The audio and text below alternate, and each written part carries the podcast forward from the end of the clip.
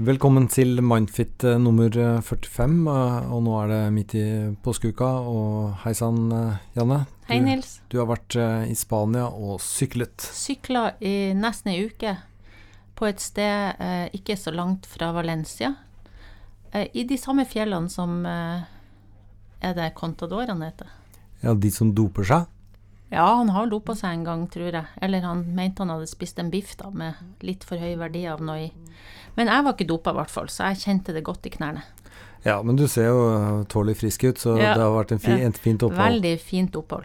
Og det er også da årsaken til at uh, det, vi er vel en uke på overtid ja. uh, når det gjelder Mindfit, men nå smeller vi i gang. Um, og to spørsmål uh, som vanlig. Ja. Eh, vi skal innom um, eh, fødselsdepresjon, Ja. og så skal vi snakke om ADHD. Ja. Og vi begynner med det siste, og jeg leser. Jeg har en datter på 14 år i 9. trinn som har ADHD. Hun er livredd for å holde presentasjoner foran klassen, og har fått lov til å slippe det, og holder kun for læreren. Nå er det en lærer som mener hun bør gjøre det, og min datter blir veldig sint og nekter å prate om det med oss. Hun vil absolutt ikke. Hun får fullstendig angst. Er det riktig å dytte henne til det? Er det riktig overfor, overfor barn med ADHD? Ja, jeg, jeg tenker at det er veldig bra at dette spørsmålet blir stilt, fordi ADHD eller ikke, da, så er prestasjonsangst eh, noe som jeg har møtt mange ungdommer og unger som har. Fordi du vet, når vi gikk på skolen og var unge, da var det jo ikke fullt så mye krav til å stå frem og presentere ting, men nå er det jo hele tida en, en bit av det å gå i skolen, og det er mange som strever med det. Og jeg syns det er viktig, hvis en skal hjelpe de her ungene til å få til å presentere ting, at en tar hensyn til sånne typer angster. da. Så det er faktisk noe jeg har tenkt på flere ganger. Jeg syns det er liksom forskjellig, da. Jeg syns noen skoler og noen lærere har veldig forståelse og får til et godt samarbeid med, med de her elevene, sånn at det blir trygt etter hvert å presentere. Mens andre igjen kanskje viser liten forståelse. Eh, og jeg tenker, sånn som i det tilfellet her, uh, når du har ADHD, kanskje jeg kunne si litt om, om det òg. for alle har jo hørt om ADHD, men, men hva er det egentlig? Det er jo ulike typer, ikke sant? Det innebærer jo utfordringer først og fremst eh, på konsentrasjons... Altså det er jo noe med oppmerksomhet og konsentrasjon, det å klare å holde fokus. Eh, og så har du eh, Du har en sånn variant av ADHD som er mer sånn uoppmerksom type. eh, som dagdrømmer mye og, og egentlig er stille og rolig. Du vil nesten ikke Det er det vi før kalte ADD. Og de vil jo ofte ikke bli fanga opp heller så lett, og de kan jo også se ut som de følger med. Men det gjør de ikke da. Og så har du den mer sånn, den varianten som kanskje er lettere opptak, da, som er mer hyperaktiv og impulsiv.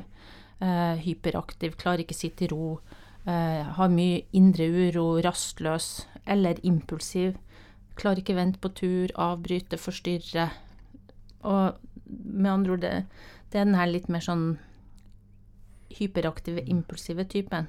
Så kan du ha en kombinasjon av det her. Ja, Men uansett så er det, er det jo sånn at hvis eh, man har et barn i, Ja. i skolen som har en diagnose, Ja. så, så vet jo skolen om det og skal da legge forholdene til rette for dette barnet. De skal tilpasse for dette barnet. Og så eh, vanligvis da så får du jo en utredning også for hva du trenger av tilpasning. Det er jo ikke sånn at medisiner er løsningen eller eneste løsningen. For at de her ungene trenger jo hjelp både til å strukturere seg, komme i gang, fortsette, å gjøre oppgaver. Og, og en ser også så klart at du kan få mer angst for det som er litt uforutsigbart og, og nytt. da. Eh, jeg tenker Hvis du er litt impulsiv og uoppmerksom, så klart det å presentere noe høyt, eh, det kan virke som en veldig høy terskel.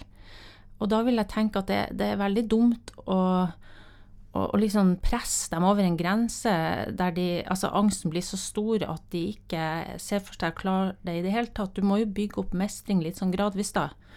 Eh, sånn at det er jo ikke så uvanlig at en del barn, ADHD eller ikke, da, uh, har tilpasninger i skolen i forhold til det å presentere ting. Sånn at det er jo mange barn og ungdommer som får lov å presentere bare for lærer, eller en annen variant som er kanskje ett hakk opp, lærer og noen elever som en er trygg på. Men jeg tenker det å gå fra å bare presentere for én lærer til å presentere for hele klassen Jeg skjønner veldig godt når ei jente at hun stritter imot. Og jeg tror ikke for et barn som hun, eller en ungdom som hun, at det er så veldig lurt å legge lista så høyt at, at det bare blir til et ubehag som gjør at dette vil bare gi manglende mestringsfølelse Mm ingen følelse av at du har lyst til å fortsette å gjøre det, eller oppmuntres til å fortsette å utfordre deg på det, da. Men, men da kan vi uh, egentlig bare um, ha som en premiss at uh, skolen vet selvfølgelig at eleven har ADHD.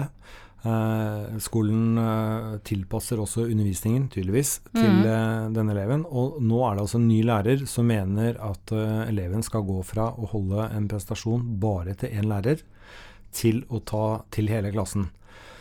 Og da er det sånn enten så har denne læreren eh, eh, tenkt på dette og, og, har et rasjonale bak, ja. eller så er det sviktende dømmekraft, kan det egentlig ja. høres ut som. Så ja. her er vel egentlig oppfordringen, oppfordringen til foreldrene å egentlig forlange et uh, møte. Og spør hva er det du egentlig tenker på? Altså hvorfor mener du at dette er riktig for mitt barn? Å ta dette gigantsteget. Og jeg vil tenke at uh, her må foreldrene og eleven få lov å ha stor medbestemmelsesrett. Uh, det er jo sant med angst at en må prøve å utfordre den, og at unngåelse bare gjør ting vondt verre. Men en kan jo ikke starte på toppen av utfordringene sine. Nei, her høres det ut som liksom, hvis du er redd for høyde, liksom. Det første du skal gjøre, hoppe i fallskjerm og sånn. Ja. ja. Og så, jeg tenker For, for lærere og sånn, og det finnes jo mye informasjon å hente. ADHD Norge har jo fine hjemmesider, og, og de kan kontaktes for råd. Og i dag når jeg søkte litt, så fant jeg noe som heter elevsiden.no. Der sto det veldig mye om tilpasning av undervisning for barn med ADHD. Uh, eh, så jeg tenker men kanskje er det ikke sånn at alle altså jeg, jeg, opplever mange lærere forstår det her og har mye kunnskap og erfaring med å gi god eh, tilpassa undervisning til elever med ADHD, men det er ikke alle kanskje som forstår hva det innebærer. Og den kombinasjonen med angst, ikke minst, som ikke er så uvanlig i det hele tatt. Og, og da tror jeg at uh, mitt altså Jeg er veldig glad denne mora tar det opp. Altså jeg støtter henne veldig på at her må, må hun få ha noe å si, og dattera må få ha noe å si i forhold til hvordan dette skal ja, gjøres. Selvfølgelig. Jeg, jeg, jeg, tenker i forhold til angst, altså, det er liksom noe med å ha en følelse av kontroll. ikke sant, sånn at For det første å bygge opp noen mestringsstrategier for å stå i angsten, og så for det andre litt sånn være, altså hvis du ikke Her har jo klassemiljøet mye å si òg. Altså er det et trygt klassemiljø der du føler at de andre vil deg vel, eller tenker du at, at de vil bare flire av meg og sånn? Dette òg har jo mye å si. Det er jo ikke bare mm. den ene eleven det står på. Og hvis hun er 14, så har hun jo nettopp begynt på ungdomsskolen. Så dette er jo ukjente elever for henne òg. Mm. Så jeg tenker hun må få lov naturlig å bygge opp en trygghet her. Uh, og så tenker jeg det er ikke sikkert målet heller er å stå foran hele klassen og, å fortelle. Eh, kanskje en må slekke litt på kravene mm. når en, unge treng, en ungdom trenger tilpasning. Ja, helt enig. Så um, er det riktig å dytte henne til dette, spør uh, mor. Uh, nei, det er det ikke. Uh, snakk med læreren. Han eller hun må ha en veldig god grunn til å mene at dette er riktig terapi, holdt jeg på å si. så still spørsmålene. Ja, absolutt. Og um, også at denne læreren kan jo søke råd til PPT eller til andre lærere. Det må gå an å, å sammen snekre en type opplegg her som er tilpassa, da. Ja. Da beveger vi oss over på fødselsdepresjon. Ja. Og da leser jeg. Da jeg ble gravid i høst, trodde jeg at jeg kom til å føle stor glede, men istedenfor har jeg kjent på en voksende tomhet som fyller kropp og sinn. Jeg føler ikke lenger glede, jeg klarer ikke å kjenne kjærlighet, og jeg er i økende grad likegyldig til samlivet og livet generelt. I den grad jeg føler noe, er jeg trist og har det vondt, og jeg har begynt å tenke eh, at jeg skulle ønske at jeg aldri ble gravid. Men nå er det altfor seint til å gjøre noe med det. Jeg kjenner at terskelen for å gå til legen eller andre nære med dette er på størrelse med et fjell, for jeg skammer meg sånn over ikke å kjenne tilknytning til barnet eller glede over graviditeten, og jeg er redd jeg kommer til å bli en forferdelig og følelseskald mor. Samtidig er jeg ganske sikker på at jeg er deprimert, og jeg tror jeg trenger hjelp. Jeg lurer veldig på om barnet i magen påvirkes av at jeg har det sånn, og hva kan jeg gjøre for å få det bedre? Finnes det et hjelpetilbud for gravide som sliter med depresjon? Jeg syns eh, jeg er så glad for at denne personen tok mot til seg og stilte dette spørsmålet. Fordi det jeg vet om fødselsdepresjon, det er at uh, dette bygger seg veldig opp som bekymringer i den deprimerte. Ikke sant? Dette med at jeg eh, kommer til å bli en dårlig mor, og jeg føler ingen kjærlighet, og en, en, det bare liksom øker på inn i hodet ditt med negative tanker om hvordan dette kommer til å bli. Uh, og så er min erfaring at utfallet av det her trenger ikke bli som du har tenkt når det barnet kommer heller. Uh, og at hvis du får hjelp, og første punkt er jo å være åpen, mm. så kan bare det å akseptere at du har de tankene, tenker jeg er en sånn viktig første uh, første trinn, da. Ja, og der er hun. Ja, øh, og særlig å tørre å dele det nå med mm. oss i første omgang, og så håper jeg videre øh, både helsestasjon Altså for dette med fødselsdepresjon, øh, det er jo sånn 10-15 av en, en befolkning av, av, de gravide som, som, får det, da, viser jo undersøkelser. Det er jo noe som helsestasjonene er veldig oppmerksom på, og som de burde være skolert til å ta imot og hjelpe til med.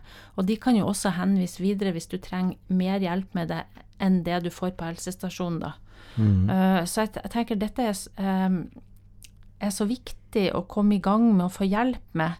Uh, det er jo heller ikke sånn at For det er liksom det, før vet du, så var det en del uh, Du kan godt også si at det er en del myter her om at hvis du er veldig stressa i graviditeten, så vil du få et barn som blir født for tidlig, har lav fødselsvekt, eller uh, utviklinga på alle vis blir påvirka, og du skader fosteret.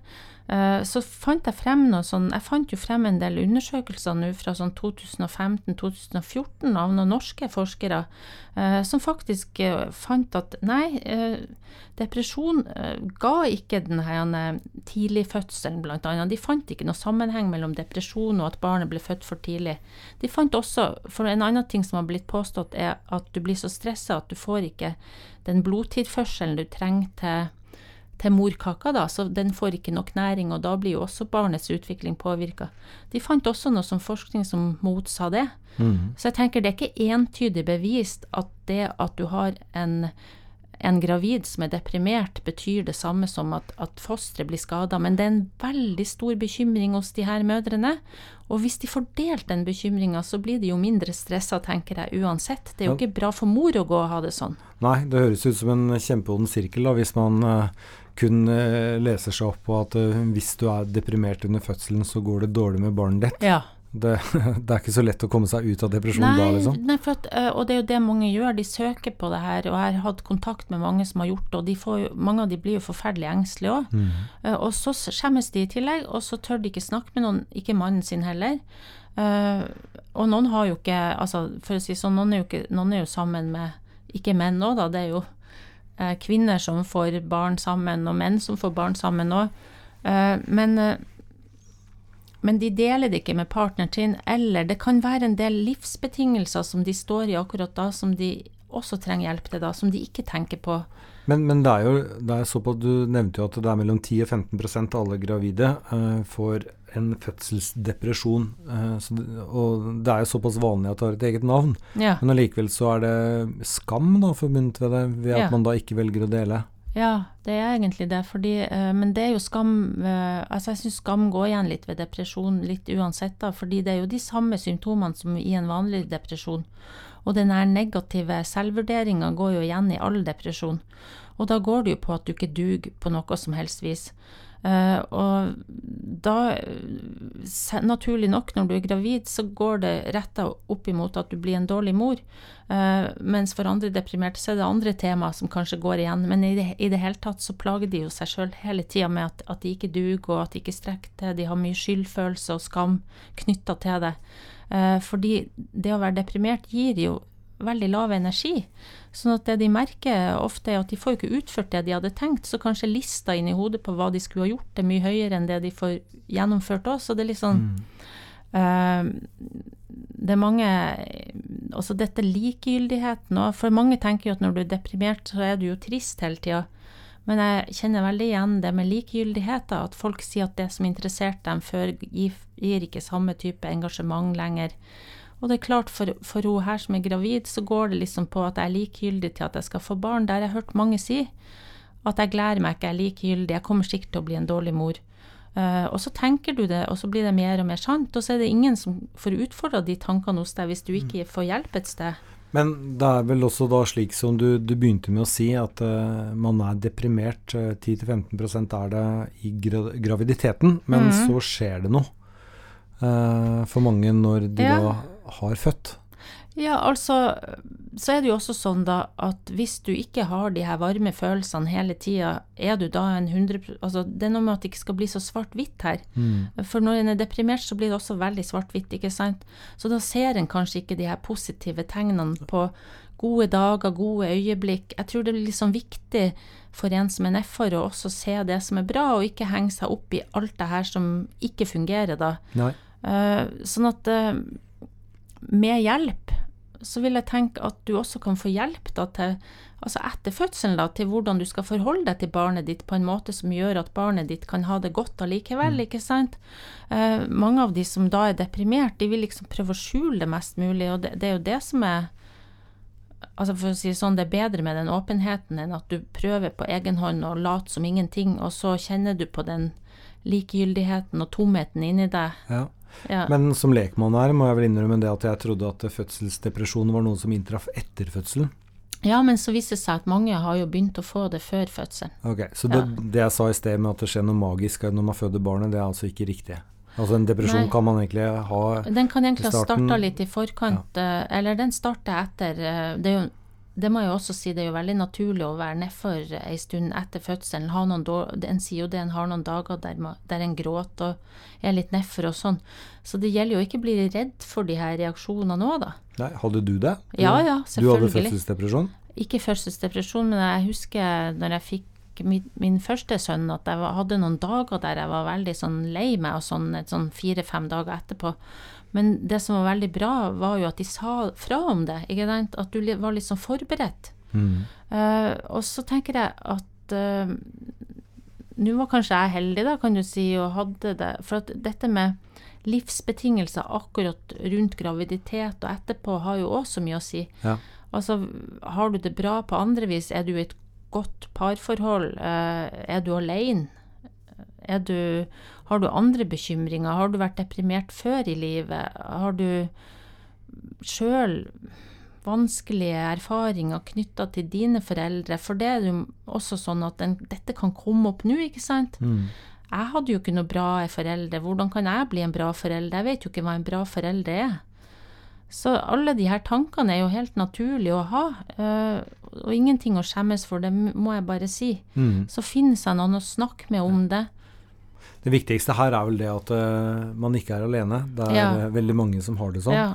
Uh, og, og når man er gravid, så er man jo en del av hjelpeapparatet. Mm. Uh, man får jo oppfølging, Ja. og da er det egentlig et klart råd å begynne å snakke om det der.